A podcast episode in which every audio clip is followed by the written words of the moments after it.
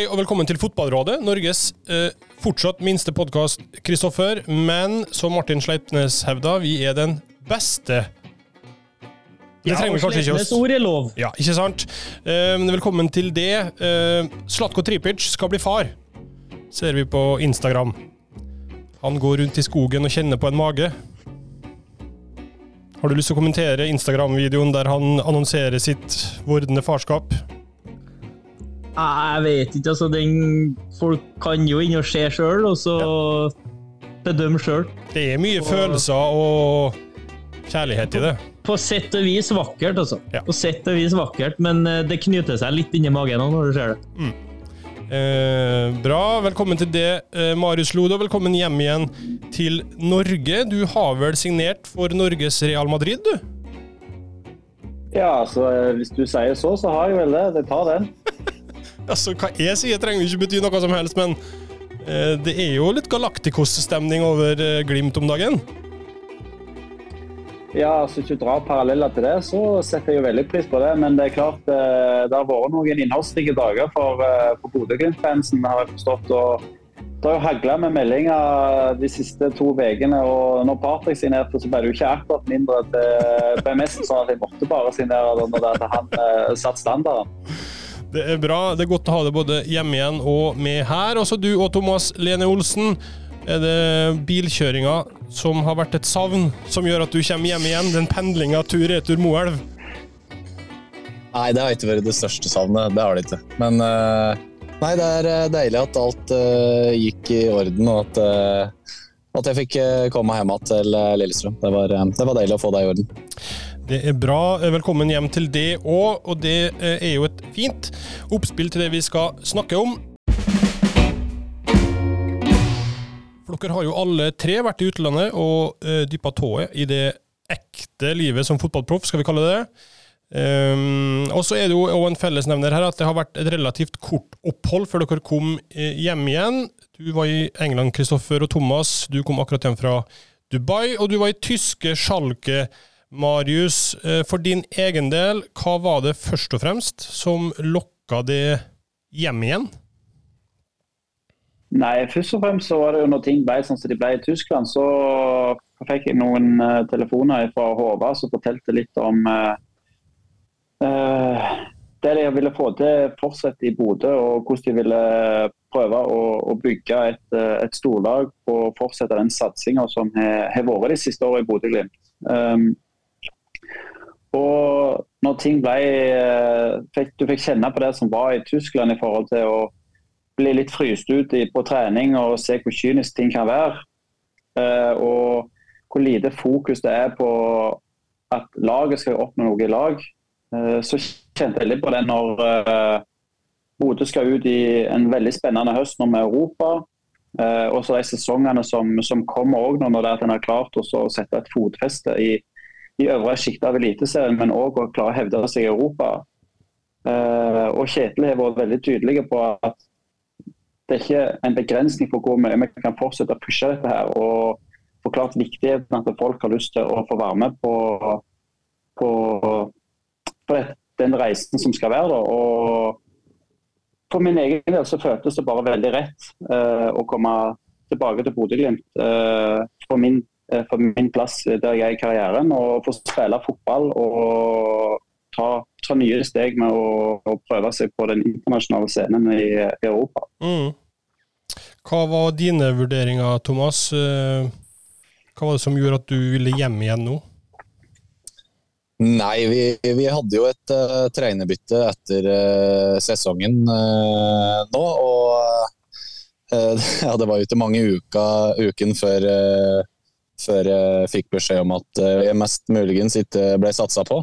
og da er jo jeg lagd sånn at hvis jeg ikke får spilt fotball, så, så har jeg lyst til å, å røre på meg. Og fotballkarriere er veldig kort. og ja, det, da var det godt at Lillestrøm kom med et, et dårlig tilbud. Og, og, det som skjer i Lillestrøm, eller ikke bare i Lillestrøm, men i Norge nå, med tanke på fotballen, syns jeg er veldig, veldig morsomt. Og at vi har flere lag som hevder seg i Europa i tillegg, så, Så det viser at norsk fotball er på tur, på tur opp. og Det hadde vært veldig morsomt å ta del av det og, i Lillestrøm. og ja, Jeg ser, jeg ser fram mot fortsettelsen i Norge.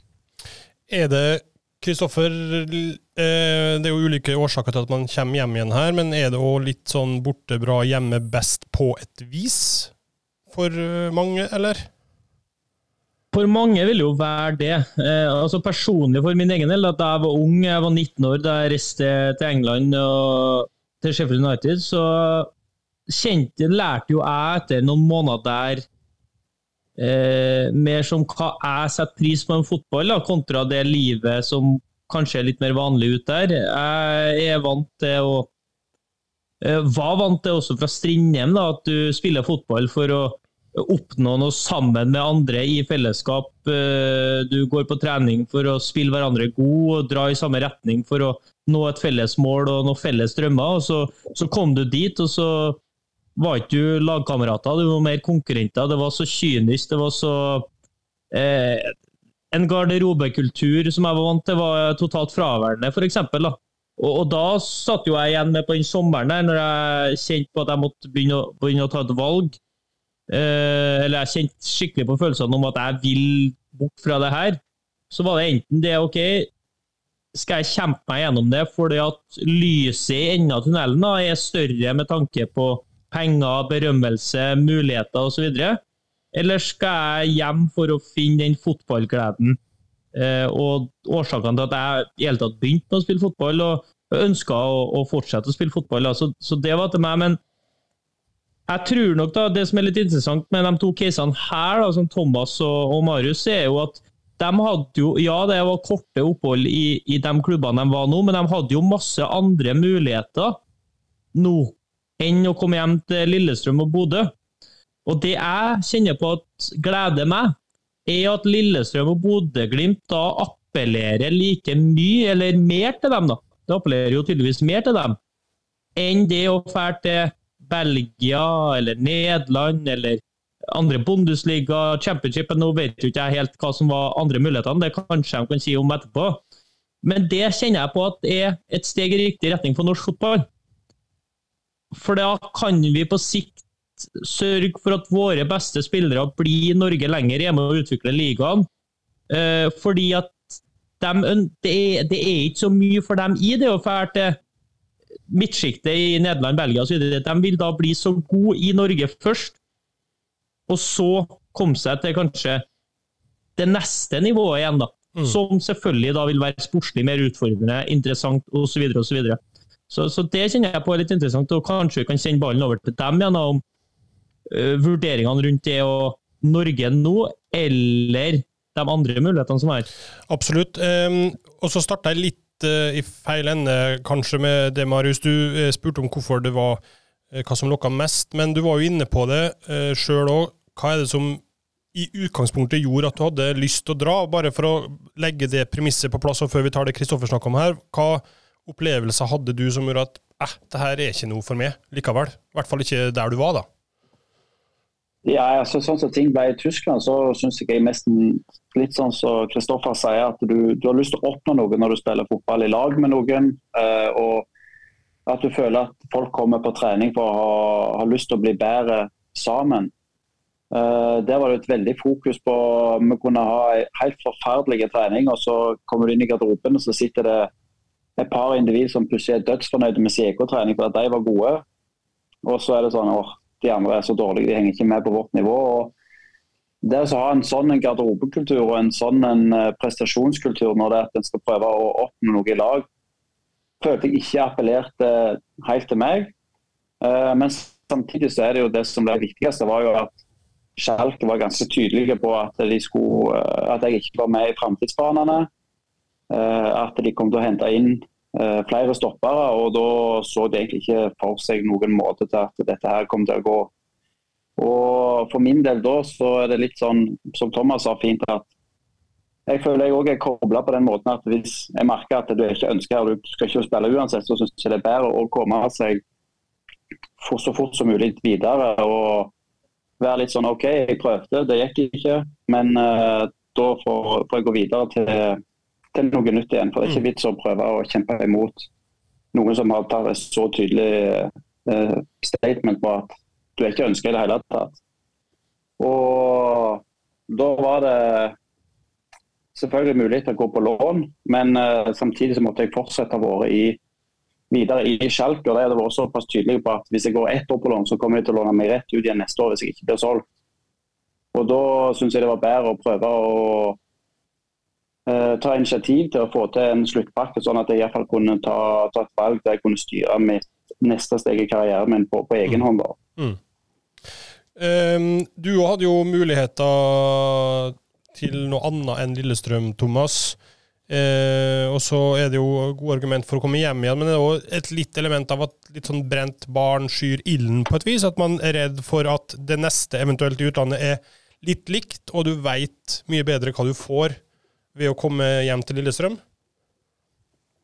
Ja, sånn sett så var jo valget greit, og du vet hva du går til. Men uh, klart, det var et veldig vanskelig valg. Uh, uh, men når du telte opp eh, til slutt med tanke på lengden jeg fikk på kontrakta mi og med, med tanke på alderen min og litt sånne ting, så, så, var, eh, så tok jeg egentlig det safeste valget.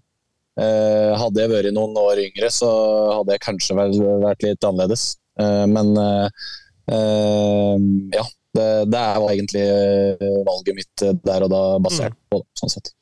Eh, også det du var inne på, det med norsk fotball i øyeblikket, og sånn Kristoffer inne på, da, hva, hvordan tenker du rundt det akkurat nå? Eh, er det Har du en følelse av at det liksom er noe på gang? At man er på et litt annet sted enn for bare et halvår siden du, du dro, eller hvordan er det?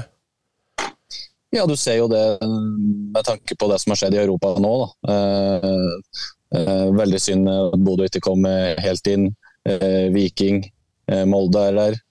Eh, og Lillestrøm holdt på og klarte det. Så vi har flere lag som er med og hevder seg, og det, det, det syns jeg er veldig morsomt. og uh, det, det, viser bare at norsk fotball er på vei opp, og må, de har tatt steg. Og nå ser vi jo at flere spillere kommer, kommer hjem igjen, og det handles for, for, ganske mange kroner. Og du får bedre spillere inn. Så Um, ja, det, det, skal bli morsomt å følge med, med Eliteserien utover.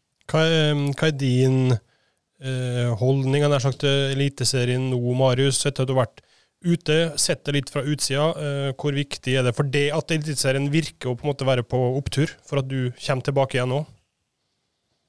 Nei, det er klart. Det er jo veldig gøy at norsk fotball er på en opptur. Uh, for det har jo blitt Jeg syns norsk fotball har fått ufortjent mye tyn i, i mange år nå. og det er klart det ikke har vært kanskje verken det mest sexy økonomisk eller fotballmessig for, i, for mange år som det virker på mange. Men samtidig så snakkes dansk fotball og svensk fotball så ekstremt godt om mange ganger. og jeg kan ikke se helt forskjellen på når du ser hva, hva mange av de lagene i Sverige får til og de, hva de lagene i Danmark får til. så det er ekstremt kult å se nå at klubbene tør å satse litt, og at spillere kommer tilbake til den norske ligaen. og at de handler fra klubber som kanskje har lyst til å beholde spillere og talent selv, men nå velger noen å komme til Norge. og det som Thomas sa, det var ekstremt synd at Bodø ikke klarte Champions League. og så var det jeg var på Vikingstadion og så Løken og jeg springer rundt mot Bucuresti. Så jeg fikk noen billetter der til å komme og se når jeg først var hjemme. og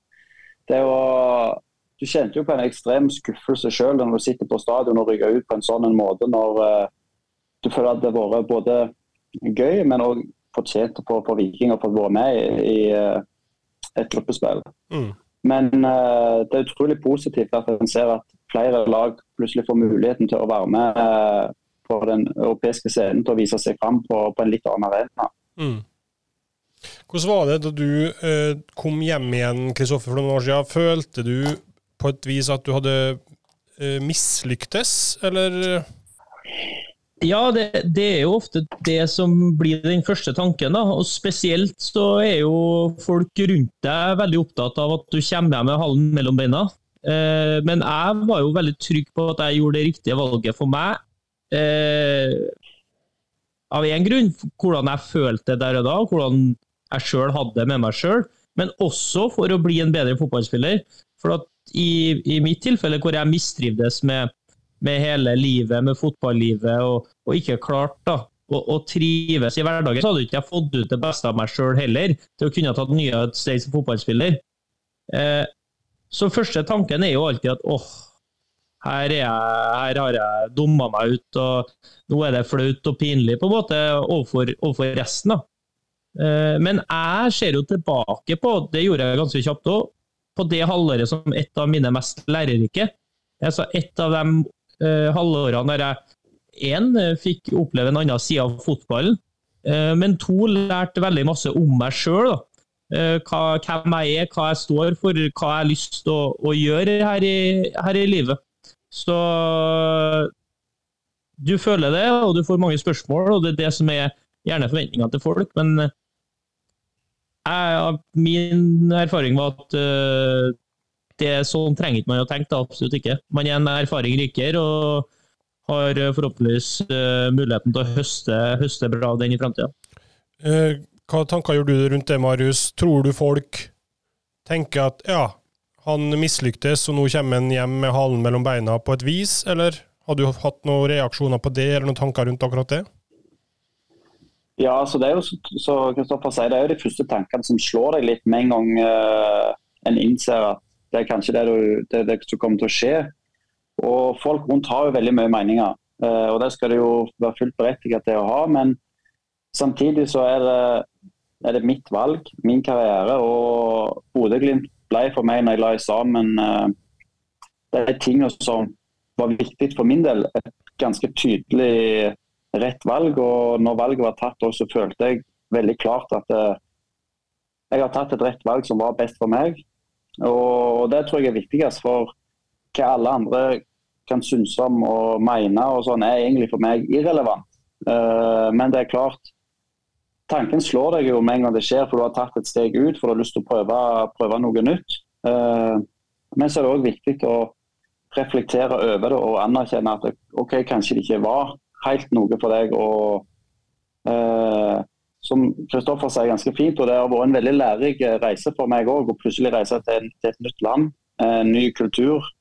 Uh, første gang jeg kom på, på kampmat, eller dagen før kampen skulle spise når vi reiser på spillerhotell. og jeg var vant med at vi bare kan gå og servere oss eller ta forsyne oss for mat. Og sånn her, og plutselig så fikk jeg bare noen gloser og fikk, noen, uh, fikk beskjed om at du må vente til treneren og alle har kommet for det er lov til å gå og forsyne seg. Og treneren må si bitte for å få lov til å, til å spise. Jeg kom jo i, i shorts, nei, eller i bukser og T-skjorter. Det fikk jeg tyn for, for at du måtte ha på deg piké når du skulle spise for det skulle se fint ut når du spiser. Uh, og så fikk jeg jo være med på mye kult med med opprykk. Uh, jeg fikk uh, den første kampen fra start mot Hannover, som var første kampen det var fullsatt etter den nye runden med covid i Tyskland. Så jeg tar med meg mye kule opplevelser, men eh, samtidig så blir det jo totalinntrykket at det, det, var Det ble ikke sånn jeg ønska, og, og, da syns jeg det er veldig kjekt å nå kunne være på plass i Bodø igjen og mm. ta, på, ta fatt på en veldig spennende høst. Kjenner du på noen form for skuffelse, Thomas? Eh, at det ble så kortvarig, eller fikk du på en måte det du var ute etter, eller hvordan eh, ser du på det?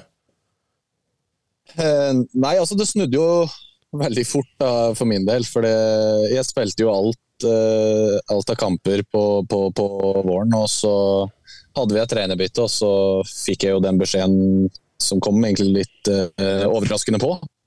Uh, så etter det så det, det, egentlig, det skjedde det egentlig ganske fort uh, at, jeg, at jeg kom meg hjem igjen. Men uh, jeg sitter ikke med noen skuffelse. det gjør jeg ikke, absolutt ikke. vi hadde en veldig fin tid nedi der, så det er, det er, det er, en, det er et minne du, du, du tar med deg seinere. Så bare gode ting å si om oppholdet mitt nede i Dubai.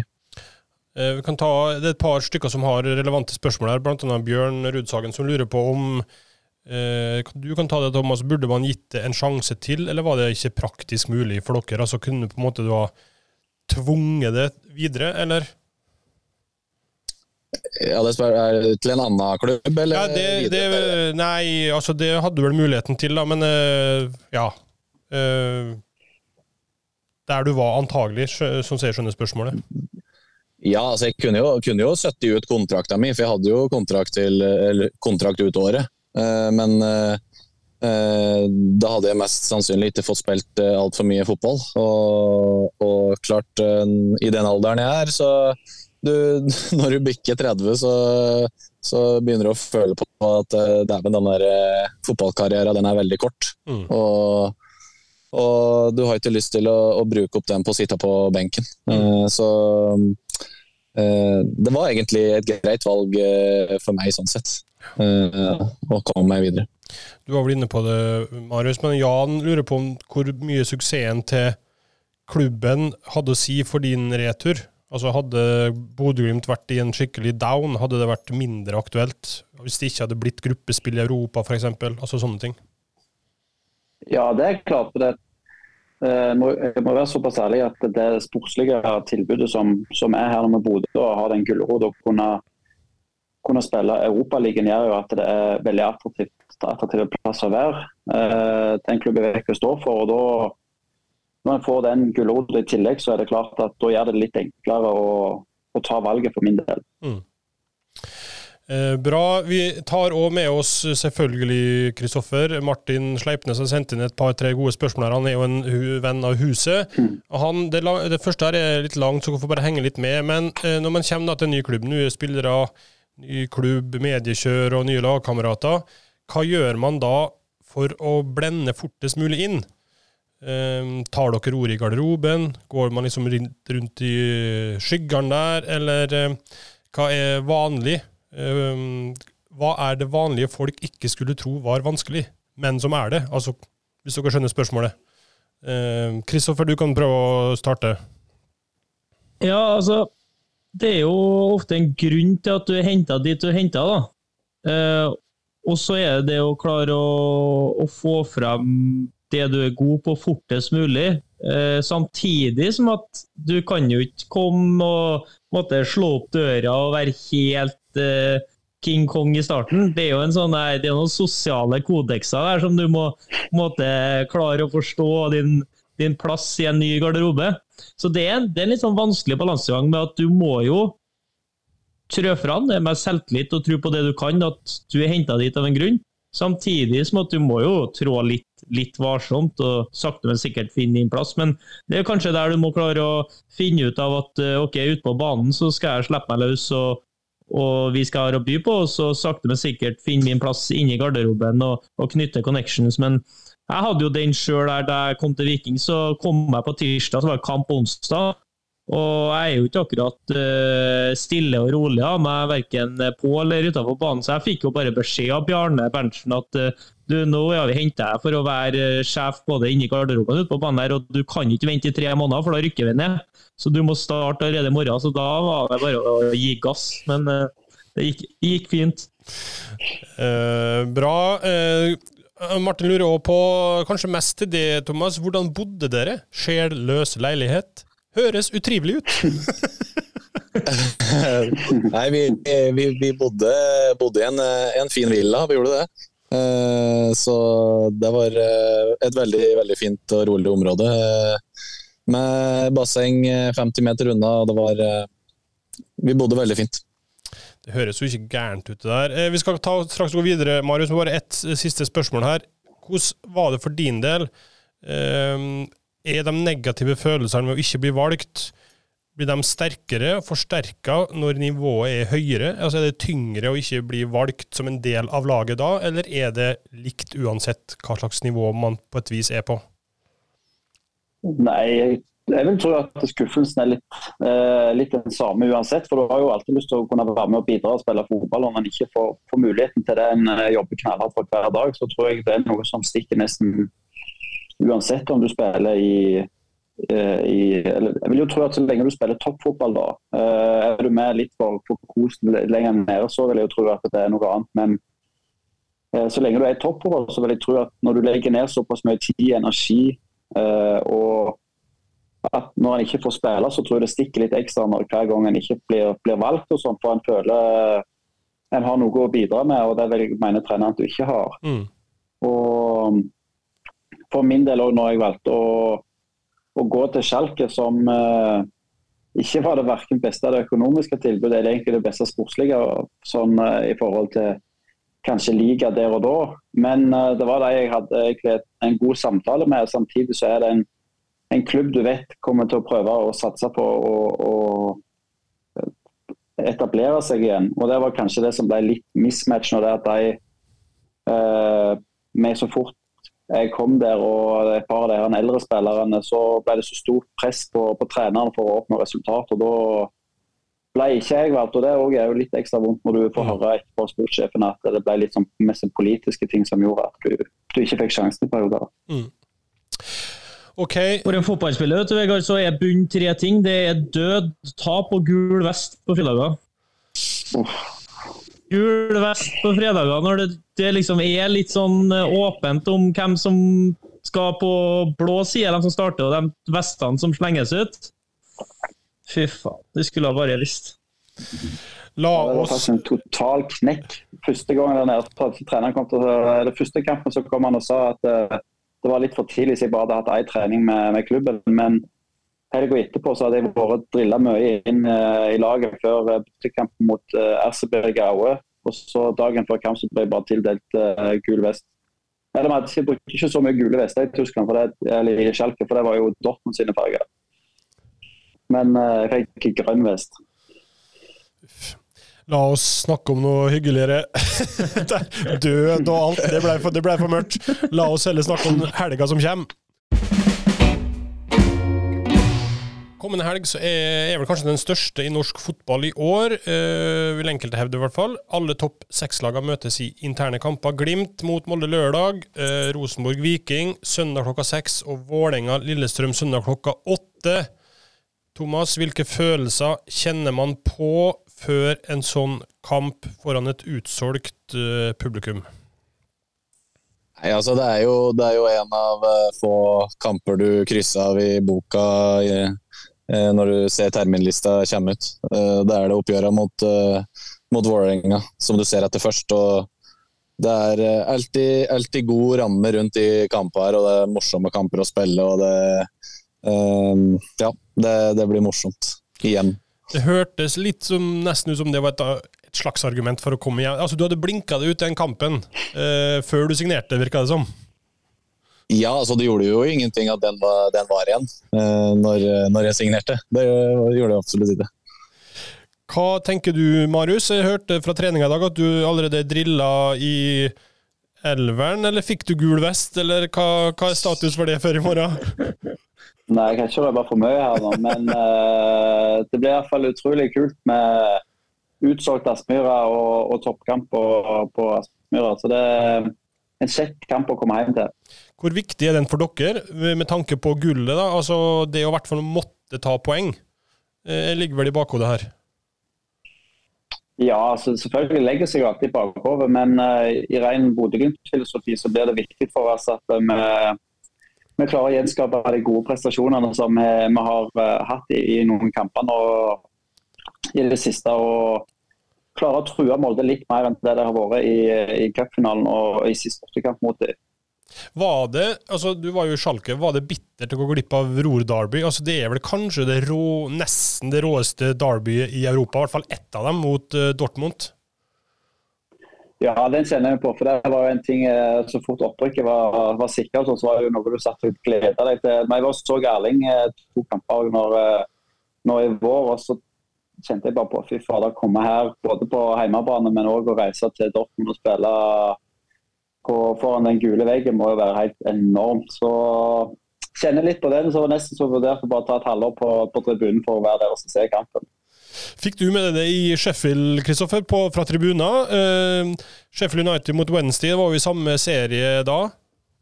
Wednesday var vel uh, i League One, da. Det året, var ikke de det? Rykka ikke dem opp? Eh, det var kanskje feil år? ja, blinka ut da. Sheffield United uh, Altså, vi rykka jo ned da, i 2011, og så kobla opp da med Sheffield Wednesday i League One. Ja. Og så var det året etter, faktisk. Eh, altså Det året jeg for, så var jo eh, Sheffield United eh, nesten klar på en av de to øverste opprykksplassene. Men så ble Ched Evans, toppskårer med over 30 mål, satt i fengsel tre-fire runder for slutt.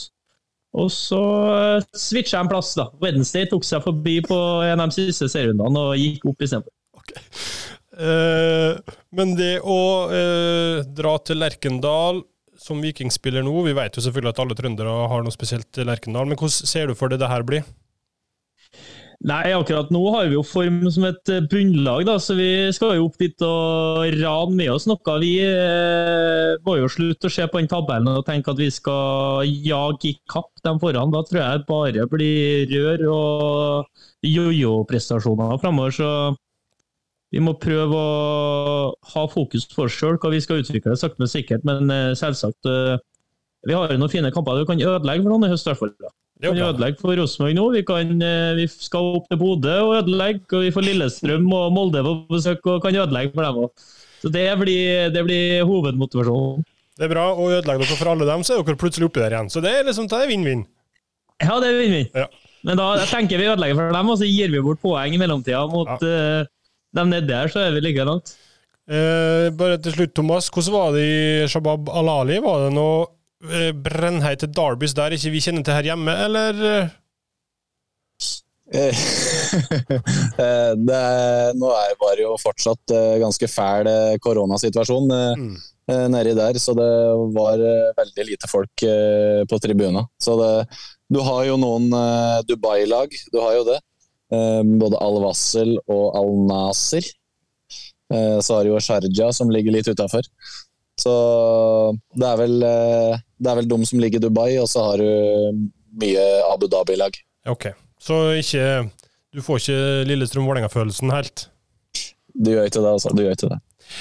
Eh, bra. Eh, det blir veldig veldig gøy i helga. Og i helga er det lov, Kristoffer, og fotballhat. Det har vi snakka om før. Det må vi bare dyrke. Veldig, veldig, lov. Det må dyrkes, og så er man eh, venner igjen på mandag. Topp. Eh, vi går videre til Løkbergs løksuppe.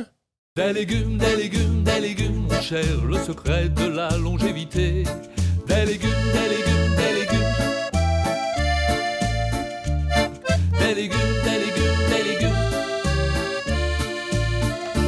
Ja, det er riktig. De uh, har ikke Jeg ser jo på de reaksjonene her at de ikke har lytta til podkasten. Det må vi jo ta opp i ettertid. Uh, at den ikke har vært fast uh, spilt av i tunge tider i, i Schalke og, og, i Dubai. Det kunne jo da vært eh, terapi, hvis de har valgt å, å lytte, men det får de fortsette med.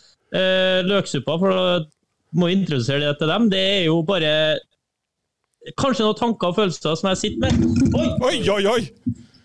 Teknisk trøbbel i Jåttåvåg. Nei og nei og nei. Da holder vi en sånn. Ja, men jeg kan introdusere da, mens du monterer den opp. Ja, gjør det, du. Eh, fordi dette her er jo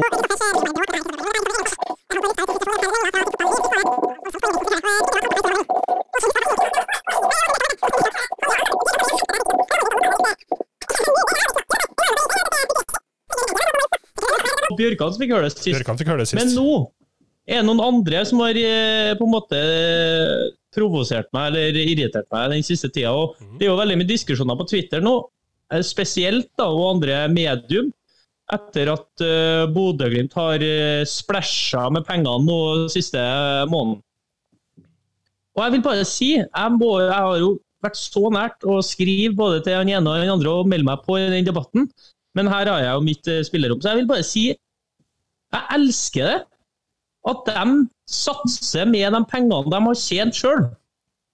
Fordi at det som er med fotball altså skjønner jeg at det går an å irritere seg over at det kommer en uh, rik eier fra Dubai eller Saudi-Arabia og skal plutselig leke seg med et fotballag. og Det blir sjeleløst da, hvis de blir gode og plutselig kommer seg til toppen. Uh, ref et par lag borti i England. Men det må jo være lov å tjene sine egne penger og satse med det man har oppnådd sjøl gjennom sportslig suksess. Så jeg elsker at Bodø-Glimt tar sats. Jeg liker Lillestrøm. De tar også sats etter å ha vært ned og kommer seg opp. Og det kan jo ikke være misunnelse rundt omkring da, det må jo bare være en stor inspirasjonskilde til at det er faktisk er mulig. For at penger, det å kjøpe umiddelbar suksess, det er jo veldig sjeldent. Altså Se på United borti England. Siden 2013 så har de brukt 1,4 milliarder pund på nye spillere. Altså jeg lurer på, Har de glemt å trene i mellomtida? For det har jo ikke blitt bedre, i hvert fall. Så nei, det går an å nå toppen for andre lag i norsk fotball òg. Det er ikke sånn at Bodø-Glimt og Molde skal seile sin egen sjø. Det er mulig, men må ta opp hansken, starte i hverdagen, skaffe seg en filosofi og jobbe etter den i mange år. Da kan det lykkes. Det er en bra miks av kapitalist og sosialist. Ja, det, det må jo være noe som heter sunn fornuft. Absolutt.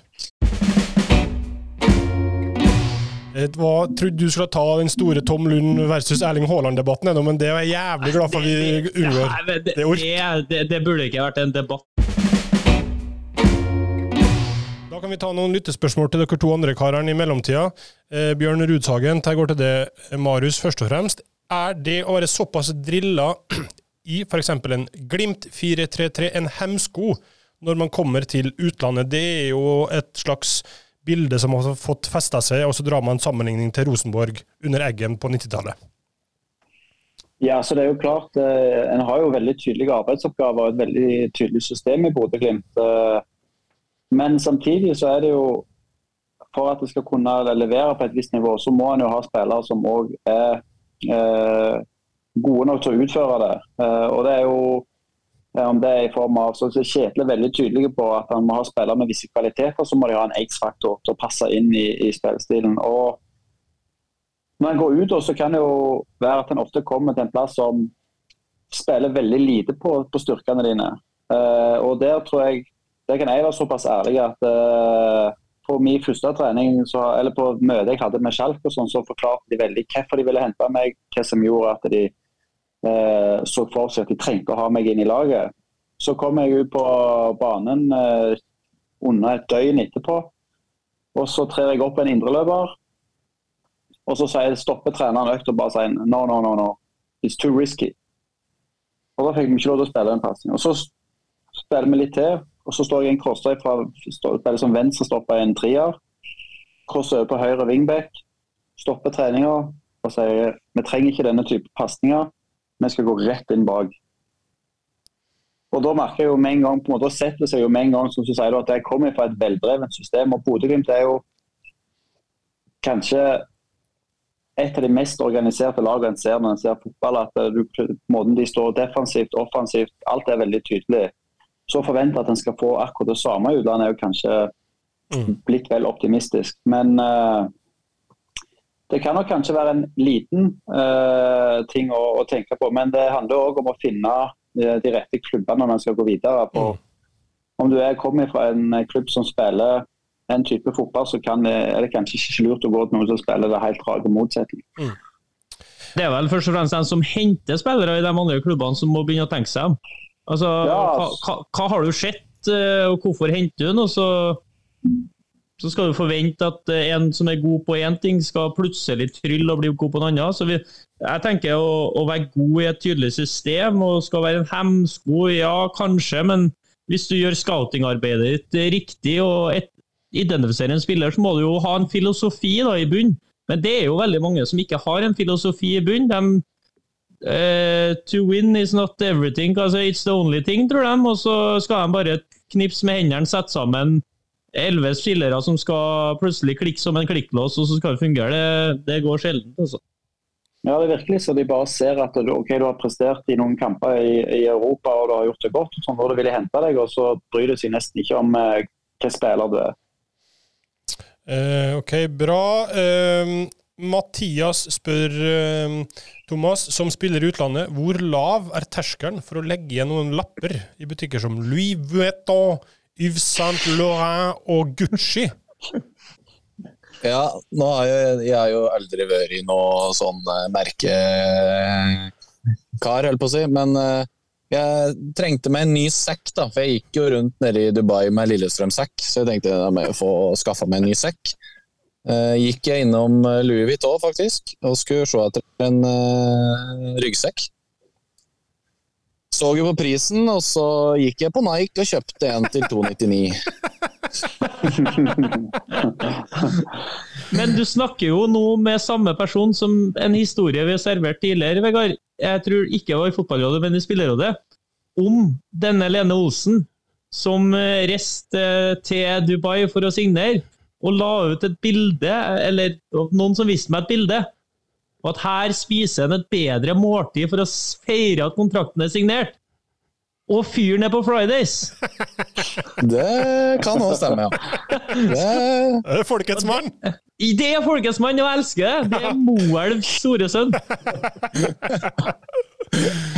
Eh, bra. Eh, Pillefygert eh, spør eh, Marius, var det noen gang aktuelt for Marius Lode å signere for Viking? Eh, ja, helt klart. Det var jo eh, I og med at jeg er fra området og jeg har en kjære som, som jobber for, for politiet i Sandnes og spiller håndball for Sola, så var det helt klart at jeg var inne på det. Men samtidig så var jeg veldig tydelig på at det kom enten til å bli å prøve noe nytt i, i utlandet på dette tidspunktet, eller at det ble, ble Bodø-Glimt. Så da så det litt uh, tidlig ifra meg, og så prøvde jeg også å se opp de andre tingene og hva jeg hadde. Så jeg syns det var veldig gøy å snakke med, med Morten Jensen og sånn. Og han hadde Syns det var veldig trivelig, men eh, det ble aldri så aktuelt i denne omgang. Eh, Han bra. var kjekk å bli lagkamerat med Løken, da. ja, men det, Det tror jeg, men vi får Jibril Diop istedenfor. det gjør dere. Ja. Spennende. Det er Eh, også spennende. Det er spennende, ja. Ja, Det er veldig spennende. veldig spennende ut. Ja, det høres Veldig. veldig spennende ut. Bare kjapt innom tre eh, mindre saker her. Eh, Andreas Nybø meldte på Twitter for et par uker siden følgende klart for Strindheim kvinner mot Steinkjer. Har troa på en underholdende kamp. Dette var da i fjerde, eh, tredje divisjon. Da var klokka 17.34, og så går det 24 minutter, og så melder han 1-0 til Strindheim. Og så, ti minutter senere, bytte av ball. Det viser seg at kampen har vært spilt en stund med firerball. Bør man ikke, før det har gått 35 minutter, Kristoffer, registrere at det her er ikke en femmerball? Det, det burde man gjort, men samtidig så er det jo kanskje et forsøk på det som er brann... Ja, det er livsfarlig, livsfarlig materie å bevege seg inn på, med mindre bane, mindre mål, mindre ball i kvinnefotballen for å øke intensiteten og underholdningsverdien. Men det er kanskje sak for en annen pod. Så kanskje de testa. Kanskje det var en som skulle teste. Det er mine felt. Eh, Minefelt. bare å notere oss, utrolig nok, at den ukrainske fotballen ruller igjen. Eh, der er serien i gang igjen. Eh, Ruch Liv og Metallist fra Kharkiv har spilt den første kampen. De brukte fire og en halv time.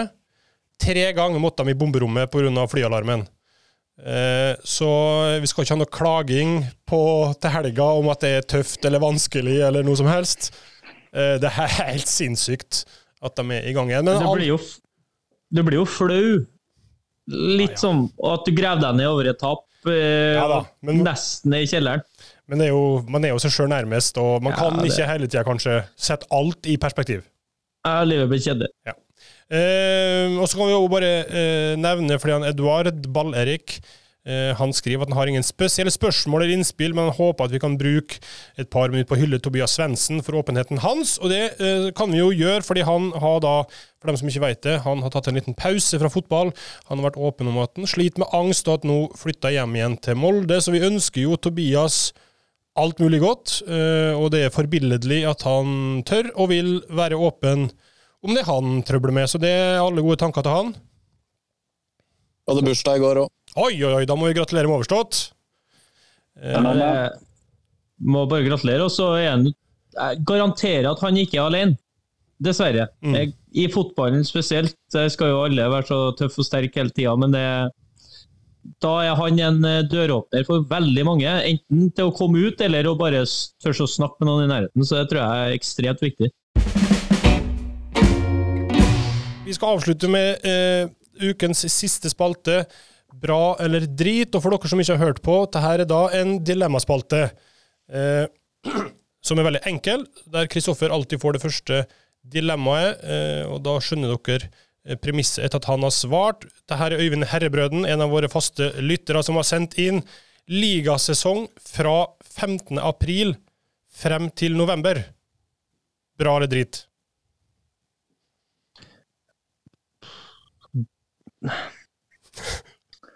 Bra. Ja, hvorfor er du i tvil?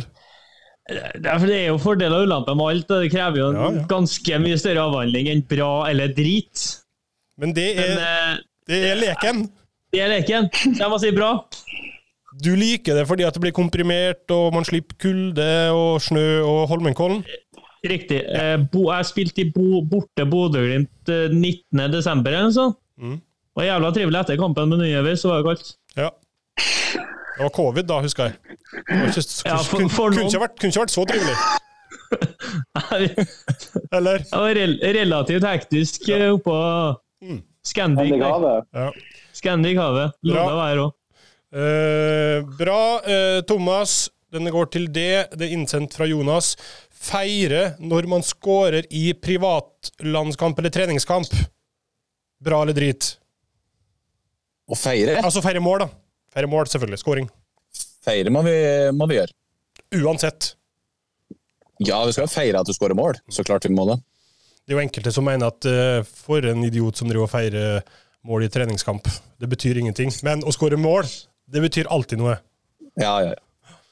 Bra. Uh, Marius, jeg vet ikke hvor, hvor, uh, hvor konservativ du er, men McFrick spør dommer med fargerike fotballsko. Bra eller drit? Bra. Bra, ja! Herlig. Mm. Det er viktig at dommerne kommer godt i fokus på andre ting òg, ikke bare på dommerfeil. Jeg omformulerte det litt, for han lurte på om altså, dommere som ikke har svarte fotballsko, da, men det er jo det motsatte. altså Det betyr jo det samme, men eh, Kristoffer, Men det er fint, for jeg syns dommerne kommer kun, kun i fokus hvis de har gjort en, uh, gjort en feil. Så det er Mhm. viktig at uh, de kan skinne på litt andre, på, på andre måter òg. Veldig bra. Enig. Kristoffer, Kristoffer, um, fenomenet shithouseri. Bra eller drit? Nei, det er bra. Det å f.eks. du har fått uh, mista ballen på dørlinja, så ramler du med, med det inn igjen på banen, sånn at keeper må hente den, og så Jeg hadde sjøl en variant eh, borti Bucuresti der jeg ikke fikk meg noen nye venner i Romania, i hvert fall. Eh, For da sleit vi så gærent i starten andre gangen, og da må noen ned med krampe for å kjøpe litt tid. Mm. Og da måtte jo jeg ned der, da, for det var ingen andre som uh, Skjønner det. var så sliten og tørte ikke å tenke på det. Men problemet blir jo når jeg får det travelt med å komme meg inn på banen igjen. For her måtte jeg jo ut bak målet, og fikk jo ikke komme igjen for midten. Så utfordringa blir når jeg tøyer hamstring for så å ta full sprint fra cornerflagget opp til midten. Da var det noen rumenere som var sint. Har man skamvett i en sånn situasjon? Nei. Nei, i hvert fall ikke når det er dem, da, for de ville jo gjort det dobbelt så mye sjøl i lignende situasjon. Hva er, altså, det her shithouseri er jo litt det er et annet fenomen enn drøying av tid, på et vis. Altså, det er jo, Man er bare mer utspekulert jævlig, eller? Altså, Ja, jeg tror det har ligget en fin video på Twitter av Stefan Johansen her. Det er masse sånne småting og noen taklinger der som eh, også er når ballen er langt unna. og Det er der du på en måte setter et litt, eh, lite stempel og plager motstanderen litt. da. bra. Ja. Han stopperen når, eh, når Nunez, han, eh, Antonio Núñez på Liverpool fikk, eh, fikk rødt kort òg. Da han borte og terga Núñez under hele kampen, og til slutt så mistet han totalt hodet. Det er bra. Da var han Ja. bare og stukket fingeren litt i sida på han hele kampen og rev han litt i drakt. og Sånn ser det funker. Det er en del av, del av spillet. Bra. En andre og siste til det, Thomas. Pendling. Bra eller drit? Bra. Meget bra. Du pendler hvor mange timer i bil hver dag? Tre. Det høres mye ut for meg, men Nei, det, er, eh, det er jo så klart uh, uh, veldig, veldig uh, skal jeg si På hva du liker og ikke. Men eh, For spesielt jeg, er interesserte. fornøyd, jeg, er fornøyd, jeg er fornøyd med det. Jeg er glad i å kjøre bil. og ja. Bra. Ehm, eh, For dem som ikke ser det her, så har du eh, heldigvis for oss eh, stoppa i bilen på vei hjem igjen.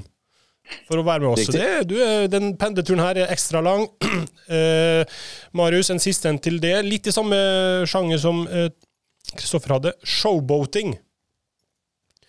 Bra eller drit at man rett og slett bare brifer med å dra en eh, eh, regnbue, eller hva det heter for noe, altså sånne ting, da.